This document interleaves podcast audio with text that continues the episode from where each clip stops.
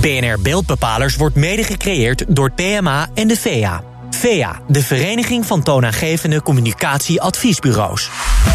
BNR Nieuwsradio. BNR Beeldbepalers. Diana Matroos, welkom bij BNR Beeldbepalers. Het enige radioprogramma waar het beeld centraal staat... en waar we complexe communicatievraagstukken oplossen. Met dit keer... So today we are here to do our make-up together. Het was een beetje een rotweekje voor mij, maar ik ben er helemaal over op. I really just wanted women to feel good about what they were doing. YouTube, Instagram, vlogs, blogs, tutorials, noem het maar op. Merken die hun doelgroep willen bereiken gaan steeds vaker met influencers en bekende gezichten in zee. Maar is dat altijd een goed idee? En als je het doet, hoe maak je er dan optimaal gebruik van? Deze topics bespreken met onze gasten. Edwin Tromp, hij is CEO van 1924 Media. En ze helpen veel bekende voetballers bij het creëren van social media content. En Jan Vuurmans van Social Rebels, een influencer agency. Beide van harte welkom. Jullie vertegenwoordigen dus die influencers of die bekende gezichten. Maar zelf een beetje actief op social media als persoon, Julian? Um, ik ben heel actief geweest als persoon online. Maar meer om vervolgens ook de talenten te kunnen managen en te kunnen um, begeleiden eigenlijk. Want als je er zelf niets van bakt, dan nemen ze je natuurlijk niet serieus. Dus dat vond ik heel belangrijk om te doen. Dus nu wel ervaring, maar nu wat meer op de achtergrond en Zeker. echt die influencers helpen. Hoe is dat bij jou, Edwin? Nou, ik voor het zit eigenlijk wel op alle apps. Dus ik gebruik de platformen wel. Uh, probeer het wel een beetje uh, niet al te gek te maken. En uh, ook wat dingen privé te houden. Maar ik volg het wel allemaal. Dat moet ik ook voor, vanwege mijn vak doen. Ja, want ik heb een verzoek bij je ingediend. je hebt in ieder geval een privé-account. Dat ja. was bij jou niet zo. Maar daar zag ik al een interessant verschil. Laten we ook eens even kijken, voordat we het over jullie bekende gezichten, dan wel influencers hebben. wie jullie zelf echt vinden op social media, die doet het helemaal te gek en die komt niet uit eigen stal. Edwin. Nou, dan, ja, helaas niet uit mijn eigen stal. Maar dan zou ik uh, voor een band gaan. Dan zou ik gaan voor Pearl Jam. Ik ben een enorme fan van Pearl Jam. En ik vind het heel leuk om ze te volgen. Ze delen ook ontzettend veel content. Ik weet precies altijd waar ze zijn, welke tours aan het doen zijn. Ik ben nog in Nederland geweest. Ja, dat vind ik echt te gek hoe zij daarmee omgaan. En wat doen ze dan zo goed? Nou, ze delen ook heel veel, uh, dus foto's vanaf stage, uh, de, de songs die ze spelen. Weet je, je ziet gewoon heel veel dingen achter de schermen die je normaal niet zou zien. Dus niet de standaard opnames, zeg maar. Dus dat is net dat extra kijkje wat je graag wil meekrijgen. En hoe is dat voor jou, Julian? Nou, ik denk meteen aan honderdduizend influencers of talenten, om het zo te noemen. Uh, dus ik heb niet één specifieke naam, maar ik weet wel wat ik heel erg respecteer aan iemand. Namelijk wanneer iemand uh, eigenlijk de doelgroep waardeert. En daar op, op de juiste manier mee omgaat. Dus een dedicated doelgroep heeft opgebouwd. En dan kun je eigenlijk doen wat je wil. Dus dat kun je maatschappelijk inzetten, maar ook zakelijk. Daar heb ik eigenlijk heel veel respect voor. Dus het gaat niet per se om heel veel volgers dan, als ik jou zo hoor? Eigenlijk niet. Nee, het gaat niet altijd om heel veel volgers. Het gaat vooral om iemand of een groep, inderdaad, zoals Edwin dan al zegt, een band die uh, een dedicated doelgroep heeft opgebouwd vanuit het niets. Dat, daar heb ik heel veel respect voor. En als je dat op de juiste manier kan, kan inzetten, ja, dan ben je in mijn ogen uh, ben je heel goed bezig. Dus dat is een, een goede influencer. Want laten we ook even de definitie bij de kop pakken. Ja. pakken. Iemand die dedicated is. Het gaat dus niet om een aantal volgers, of moet je wel een minimaal aantal volgers hebben? In mijn ogen hoef je in de basis niet een minimaal aantal volgers te hebben. Merken willen natuurlijk bij een samenwerking wel heel graag een bereik. Uh, of die verwachten een bereik. Maar in mijn ogen uh, ben je een influencer als je je uh, invloed uitoefent op je doelgroep. Sorry, mondvol. Um, uh, dus dat kan, dat kan van alles en iedereen zijn, zolang je maar uh, die band hebt met je doelgroep. Edwin, hoe kijk jij daarnaar? Want jullie vertegenwoordigen dus die bekende voetballers. Noem maar eens even een paar die wij zouden kunnen kennen. Zijn jullie voetballiefhebbers of niet? Ik weet niet of je ze herkent. Maar, nee, ja, nu, nou, nu ik krijg het, meestal op mijn donder thuis dat ik het allemaal weer niet weet. Nou, maar, ik vanavond zeggen. nee, ik, ik denk Kyle Walker, Jesse Lingard, Aubameyang, Robbie van Persie. Er zijn echt heel veel die. zijn er 60 in totaal. Dus echt wereldwijd, hè? Het zijn, ja, gaat nee, niet zeker. per se om de Nederlandse nee, voetballers. Nee, uh, jullie zitten natuurlijk in het WK nu, uh, ook met ja. jullie business nu. Gekhuis? Ja, het is absoluut gekhuis. Uh, ook heel leuk, moet ik erbij zeggen. Maar ja, je ziet dat dit zijn echt de tijden voor social media. Je ziet nu dat die jongens ook heel goed scoren daarop heel veel aandacht krijgen. Het Engelse team wordt ook volgens mij op handen gedragen. Hè, omdat die, uh, de mensen in het land kunnen ook meeleven met wat ze aan het doen zijn.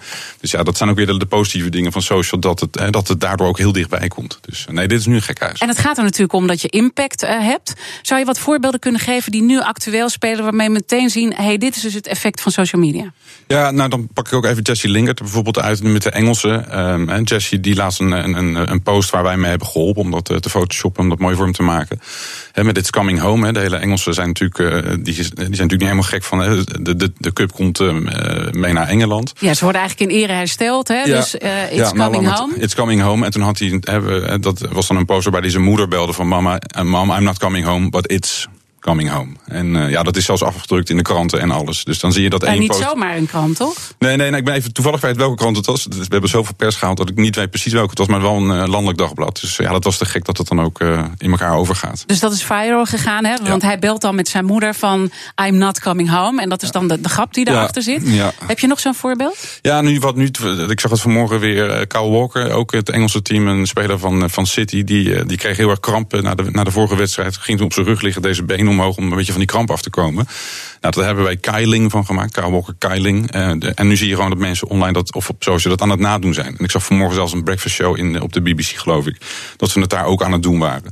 Dus uh, dan zie je dat dat soort dingen een enorme impact hebben. De jongens hebben natuurlijk zelf een bereik van miljoenen. En als iemand anders dat dan nog een keertje retweet of die besteedt er aandacht aan, ja, dan voor weet, weet het hele land één, één dingetje.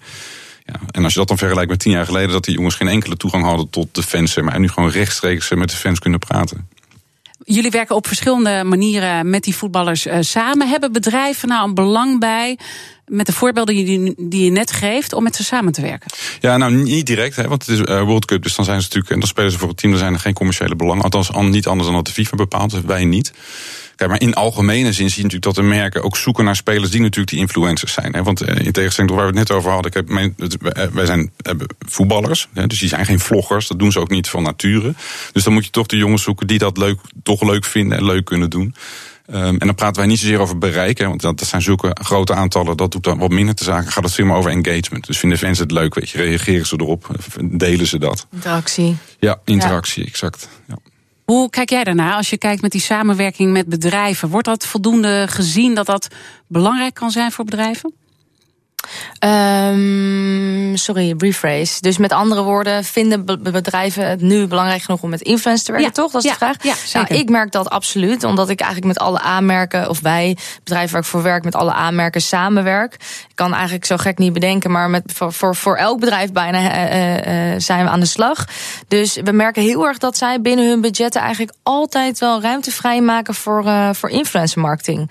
Dus daar ben ik natuurlijk hartstikke blij mee. Maar dat is ook heel uitdagend, want je moet concepten blijven schrijven met je, uh, met je artiesten, met je talenten, om uh, het juiste haakje te vinden. Daar gaan we straks uh, nog wat verder over praten. Hoe je dat nou op de goede manier kan doen. Maar je zegt, ik zie wel dat bedrijven daar echt nou ja, steeds meer interesse in tonen. Is het voldoende of zijn er ook nog heel veel bedrijven die zich niet beseffen dat het echt een kans kan zijn? Er zijn zeker bedrijven die het nog niet helemaal beseffen. En dat is ook niet erg, want ik geloof ook wel dat dat wellicht uh, vanzelf komt. Maar de bedrijven die daar nu wel uh, mee aan de gang zijn, dan is in ieder geval uh, influencer marketing vaak een onderdeel van een grotere campagne. Maar wat ik in ieder geval wel erover kan zeggen, is stel je bent op zoek naar de doelgroep vrouwelijk 20, 25. Ja, dan kun je natuurlijk bij ons heel makkelijk terugzien binnen één seconde dat wij de juiste doelgroep klaar hebben liggen. In tegenstelling tot bijvoorbeeld de promotie in een, in een magazine. Dan weet je überhaupt niet niet wie dat hebben gezien, hoeveel mensen er iets mee gaan doen, hoe, hoe vaak uh, mensen naar de winkel gaan en noem maar op. En dat is natuurlijk bij ons in ons vak heel goed uh, door te meten. Goed door te meten. Um, in het voorgesprek zaten we even met elkaar en toen zei jij van mannen zijn wel lastiger te bereiken dan vrouwen. En ja. Edwin werkt natuurlijk met, uh, met mannen, ja. met name. Nou ja, je hebt ook vrouwelijke voetballers natuurlijk. Ja, ja nou, daar werken we niet voor, maar dat, dat zou kunnen. Maar het is nu inderdaad alleen maar mannen. Ja, herken je dat? Ja, nee, zeker. zeker. Ik zie ook wel dat, uh, dat de merk natuurlijk dat aan het uh, die draai aan het maken zijn. Niet alleen binnen digital, maar binnen digital naar influencer marketing.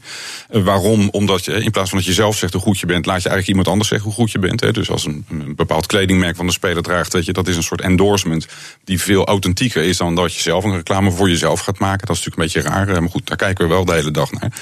Uh, dus dat. Uh, en daarnaast inderdaad het meetbare wat jij zegt. Het is eigenlijk heel raar dat zulke grote bedragen nog steeds op traditionele media worden gespendeerd. Terwijl je eigenlijk niet precies weet aan wie je dat nou geeft. En kijk, wij, ik kan wel zeggen bij ons, waar jij volgens mij wat meer vrouwelijke uh, doelgroep is het bij ons mannelijk. Het is 90% jonge mannen. Dus ons totale bereik is 250 miljoen. Dat klinkt een beetje blasé, maar het is nou eenmaal hoeveel het er zijn. Ja, want dat zijn al die bekende voetballers die natuurlijk heel veel volgers ja, hebben. Dat, dus dat... Ja, zo'n Robin van Persie heeft al 30 miljoen in zijn eentje. Ja. ja. dat is natuurlijk geen enkel Nederlands merk of organisatie of uh, noem het maar, die zo vreselijk groot is. Dus dat is gewoon een mediabedrijf op Europees niveau bijna in zijn eentje. Weet je? En daarvan zijn 90% jonge mannen. Dus dat is gewoon een enorme kans. Laten we daar dan ook straks eh, verder over praten. En dan bespreken we wanneer het als bedrijf nou handig is om met een influencer samen te werken. Of dus die bekende voetballer. Of waar je voor moet oppassen. BNR Nieuwsradio. BNR Beeldbepalers. Welkom terug bij BNR Beeldbepalers. Dit keer hebben we het over de samenwerking met influencers of bekende gezichten, bekende namen. En hoe je daardoor als bedrijf impact maakt op social media. Dat bespreken we met onze gasten Edwin Tromp. Hij is de CEO van 1924 Sports. En Julian Vuurman, zij is van Social Rebels, een influencer agency. Uh, jullie werk komt natuurlijk ook, uh, draait natuurlijk om de commercie. We hebben net al met jullie besproken dat je ziet dat er steeds meer bedrijven ook inzien dat dit voor hen van belang uh, kan zijn. Dus dat er groei uh, zit in die markt. Julian, zou je kunnen uitleggen hoe die samenwerking er meestal uitziet? Wat voor campagnes maak je samen met een bedrijf? Nou, dat kunnen eigenlijk verschillende dingen zijn. Dat kan echt om conversiedraai uh, uh, gaan. Mm -hmm. Maar het kan ook gaan om brand awareness of een, een, een serieuze activatie. Bijvoorbeeld een groep uh, fans of een, een, stukje doelgroep ergens van A naar B te krijgen. Um, dat zijn eigenlijk campagnes die wij doen. En op basis van, van wat het merk in gedachten heeft, maken wij een concept. En is het ook wel zo dat ze hun hele budget weggeven nu intussen aan influencers? Zeker. Dat ze daar andere keuzes maken? Ja, absoluut. Dat zien we heel veel. Daar ben ik natuurlijk ook erg blij mee. Ja, dat snap ik, ja. Uh, nee, dat zie ik absoluut heel veel. Dat merken eigenlijk zeggen van, zeker met een wat jongere doelgroep, van nou, dat gaan we dan volledig online eigenlijk uh, inzetten. Omdat die jo jonge doelgroep vaak niet meer uh, op tv, naar tv kijkt.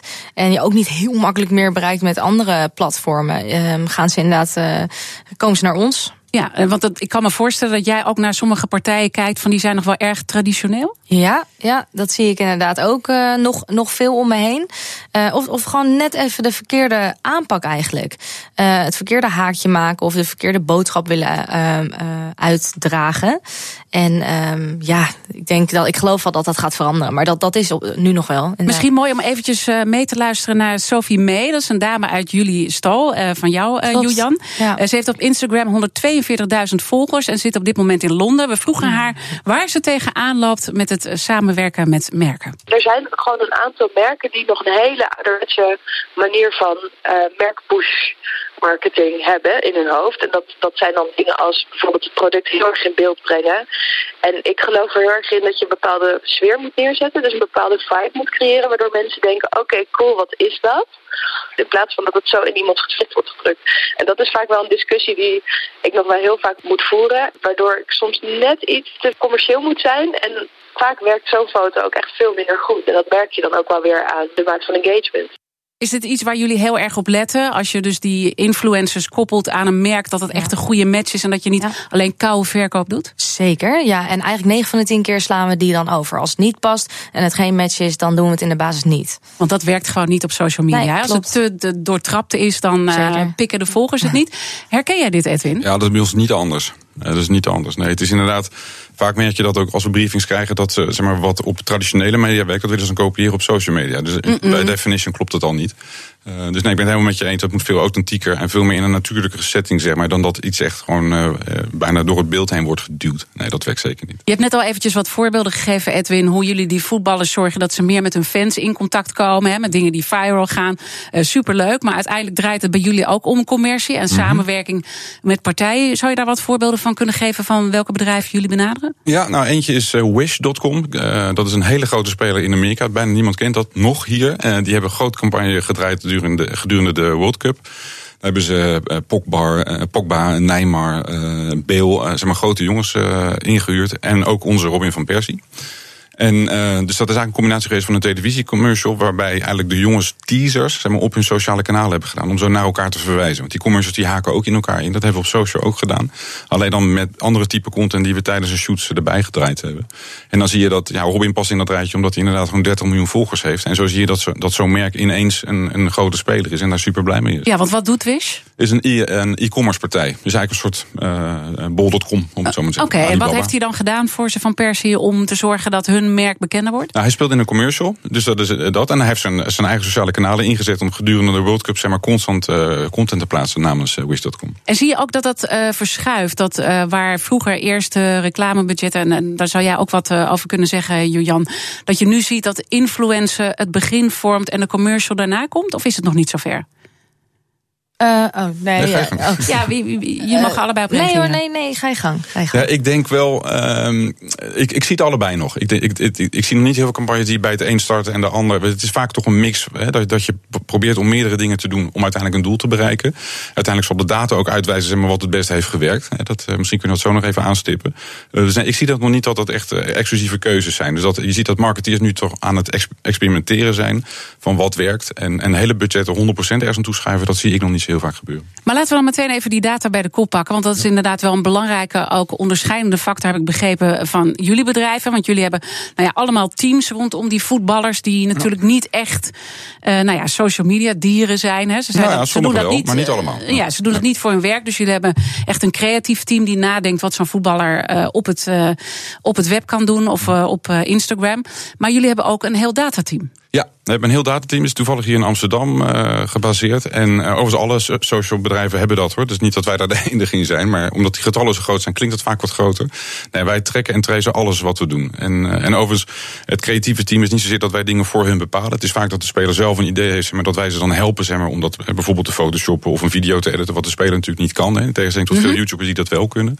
Dus dat doen wij voor ze. Maar de data is cruciaal. Uiteindelijk, weet je, geloof ik er ook in. Als je naar een grote adverteerder gaat, dan moet je gewoon 100% kunnen aangeven Weet je, in, uh, wij hebben een campagne gedraaid in die en die landen. Dat hebben die en die jonge mannen gezien die in overmatig geïnteresseerd zijn in sport. Uh, hoog opgeleid zijn, randstedelijk wonen. Zo kunnen we zeg maar, die filter zo krap zetten zeg maar, dat het uiteindelijk gewoon bijna één op één is. En ik vind gewoon als je marketing geld uitgeeft, moet je vandaag toch kunnen vragen van maar wie heb ik, wie heb dus, ik dan bereikt? Dus jullie kunnen alles bewijzen. Ja, alles. Dat, dat, geldt ook voor jullie? jullie? Ja, absoluut.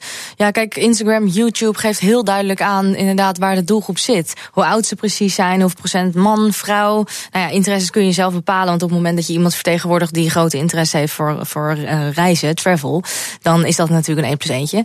Um, ja, dus daar zijn we echt mee gezegend dat we die statistieken allemaal uh, kunnen ja. presenteren. En jullie weten natuurlijk veel meer van ons als kijkers. Hè? En, en het, het voordeel van zo'n influencer of bekende voetballer is dat ze heel dicht staan bij de doelgroep. Verwacht jij dat de data nog een verdere vlucht gaat nemen op welk punt? Ja, nou kijk, nu zie je het vaak dat het, dat de data bewijst zeg maar, achteraf wat we gedaan hebben. Ik denk dat de volgende gaat, dat heeft ook met machine learning en, en dat soort terminologie te maken, dat je natuurlijk een voorspellende waarde krijgt. En dus waar wij veel mee experimenteren is dat we ook met spelers bespreken, als je bijvoorbeeld op maandag dit doet, dan dinsdag doe je dat, dan doe je dit op Instagram, dan doe je die video, dan gebruik je die hashtags en zo gaan we soort programma's doen om ook te leren dat we bijna kunnen voorspellen hoeveel engagement we kunnen halen of hoeveel nieuwe fans we erbij kunnen halen. En maar voorspel je dan ook mijn gedrag als kijker? Dat je weet van Diana gaat dan en dan dat en nee, dat nee, doen dat is het. is meer in? wat wij doen en, en hoe jij daar dan op reageert. Ja, ja. Hoe zijn jullie daarmee bezig? Nou, wij doen wel al veel op voorhand. Dus we, we presenteren al veel statistieken op voorhand om te onderbouwen dat inderdaad de doelgroep een juiste match is met het merk. Um, ja, dat, dat is iets waar we wel echt al volledig in zitten. Wat Edwin beschrijft is wel next level. En dat is inderdaad wel iets waar we heel graag naartoe zouden willen gaan. Ja. We zijn alweer aangekomen bij de conclusie. En dit keer proberen we dus antwoord te geven. Hoe kun je als beste als merk gebruik maken van het bereiken van influencers? En dat hebben jullie al best een beetje aangegeven. Maar misschien moeten we ook benoemen wanneer je als bedrijf juist niet die samenwerking moet aangaan. Want dat is ook vaak een interessant aspect. We zagen laatst bij Unilever die echt afscheid hebben genomen van een aantal uh, influencers. Omdat die niet uh, nou ja, hun imago goed uh, representeerden. Stonden niet helemaal achter de content. Julian, kan jij uitleggen waar een bedrijf op moet letten? Wat ze vooral niet moeten doen? Ik denk dat zij niet te commercieel, wat, wat een van mijn talenten net ook al aangaf, niet te commercieel uh, de campagne moeten insteken online. En daarbij ook goed moeten kijken naar bijvoorbeeld een, een nog iets oudere doelgroep, bijvoorbeeld 45 plus. Tot in hoeverre hij, uh, of tenminste zij dedicated een influencer volgen. Want er zijn toch wel wat bedrijven die ons ook benaderen die aangeven dat ze die doelgroep graag willen bereiken. Alleen ik denk dat je die doelgroep wel beter traditioneel. Uh, um, dus daarin gewoon ook keuzes maken. Edwin? Ja, ja ik kijk, dat, dat ben ik met je eens. En waar wij ook een beetje naar kijken is de, zijn de marketingafdelingen. Dus, vaak, dus wij moeten heel veel nieuwe dingen doen met data en dat soort achtige dingen. Maar kan de marketingafdeling het zelf eigenlijk ook wel? Want je kunt soms ook een beetje een te grote broek aantrekken en helemaal niet klaar zijn om dit soort dingen te doen. En dat je het wel graag wil. En uiteindelijk gaat het dan niet goed. En dan heb ik het toch uiteindelijk weer gedaan. Dus dat wil ik niet, uh, niet hebben. Mooi punt. De beeldbepaler van de week. De beeldbepaler van de week. Carlijn Meijners is bij ons aangeschoven, redacteur van dit programma. Wat viel je op? Ja, Brexit is dying, schreef de Britse minister Boris Johnson deze week toen hij zijn ontslag indiende. En dat was uit onvrede over de koers van de Brexit. En hij schreef dat in een afscheidsbrief aan prime minister May. Met als gevolg nogal wat ophef in de Britse politiek. En we hebben het in een eerdere uitzending al eens gehad. Hoe moeten we op onze taal letten? Is, zijn we daar gevoeliger voor geworden? Waar zit het hem dan in? Nou, ik kan me nog herinneren een opmerking van Giel Belen op Twitter. Hij schreef na uh, uh, nou ja, dat fatale ongeluk bij Pinkpop nog steeds een fantastisch weekend gehad. Ja, dat ja. was erg pijnlijk allemaal. Dat, dat heeft hij ook wel weer proberen recht te zetten. Televisiepersoonlijkheid Roseanne Barr heeft ooit iets op Twitter gezegd over een, een zwarte ex-medewerker van president Obama. Die had ze uitgemaakt voor aap. Dat heeft er haar televisieserie gekost. Kortom, je kunt niet zomaar meer alles zeggen. Ik kan me heel goed voorstellen dat als je een influencer bent, dat dat dan nog veel belangrijker is. Want iedereen let op je vingers. Dus misschien Edwin uh, ik ben eigenlijk wel benieuwd hoe, hoe gaan jullie daarmee om? Is er wel eens iets gebeurd waarvan je dacht dat, dat moeten we terughalen? Ja, nee, zo'n pijnlijk voorbeeld kan ik je helaas niet geven. Het is vaak wel smeuig, maar helaas is dat niet zo. Maar om deels antwoord op je vraag te geven, wat, wat heel vaak op wordt aangesproken is... Die voetballers die dragen opzichtige sieraden en kleding... en rijden in, in, in, hele dure auto's. Moet dat nou? Kan dat niet wat minder? En dan denk ik, ja, dat is niet aan ons om dat te doen. Dus wij, wij kijken gewoon echt naar data. Dus we kijken gewoon naar alle comments onder. Dat kunnen wij door scrolling en woordherkenning kunnen we dat bepalen of dat positief of negatief is. En als de fans het positief vinden, dan gaan we gewoon lekker door met, met plaatjes over mooie auto's. Het is niet aan ons. Dus vaak hebben mensen heel snel een mening daarover. Maar de data wijst uit dat mensen het juist geweldig vinden. En ik, maar ik neem aan dat er wel een soort van principe kwesties zijn nog. Er zijn bepaalde dingen waarvan jullie ook zouden aanraden dat, dat daar zou ik me niet, mijn vingers niet aan branden. Ja, het is altijd, want uiteindelijk het is nooit ons kanaal, is altijd van de speler. Maar de gevoelige dingen als het gaat over geloof of als het gaat over politiek, weet je, daar hebben we het dan over. Daar kunnen we een advies geven. Maar als je dat toch wil uitdragen, moet je dat uiteindelijk zelf doen. Dat is niet aan mij om dat te doen. Maar het wordt wel heel vaak besproken, dat is zeker zo. Jojan, zie jij bepaalde dingen gebeuren bij influencers dat je denkt, ai, dat moet toch even anders en dat ga ik even rechtzetten met zo'n influencer? Om heel eerlijk te zijn bij mijn eigen of bij onze eigen talenten niet, want wij doen echt het management, dus daar zijn we ook dagelijks mee bezig. Wat wil je uitdragen, wat is je imago? Maar ik zie natuurlijk wel eens om me heen dat ik denk, mm, oké, je zoekt het randje op, maar dit zijn wel ook heel vaak uh, eigenlijk personalities en dus ik, durf daar ook geen naam in te noemen, maar die wel uh, dat dat valt dan inderdaad wat Edwin zegt wel positief bij de doelgroep, dus die delen dezelfde mening. En als dat een politiek statement is, ja, dan, kan, dan kunnen wij er allemaal wat van vinden. Maar hij, zij spreekt haar, zijn haar doelgroep aan. Dus. Ja. Dus er wordt er bij jullie ook niet uh, uh, de samenwerking, er wordt wel overlegd, maar jullie bepalen niet uiteindelijk wat er online komt te nou, staan. Nou, in, in ons geval wel een beetje, omdat we dus het management doen. We denken ook samen die strategie. Uh, Edwin staat er dan iets anders in. Mm -hmm. Dus ja, ik, ik heb daar wel uh, een vinger in de pap. Dat Mooi. zeker, ja. Het is alweer, de, de tijd zit erop. Ik uh, wil snel. mijn gasten danken. Ja, dat is altijd een goed teken ook dat het uh, snel gaat. Uh, dank Carlijn Meijners en dank ook aan mijn gasten Edwin Tromp, de CEO van 1924 Sports of Media. Julian Vuurmans van Social Rebels. Dit was BNR Beeldbepalers. Terugluisteren kan via de site, de app, iTunes en Spotify. Mijn naam is Diana Matroos. Tot volgende week. BNR Beeldbepalers wordt mede gecreëerd door de VEA en PMA. PMA, Platform Media Adviesbureau.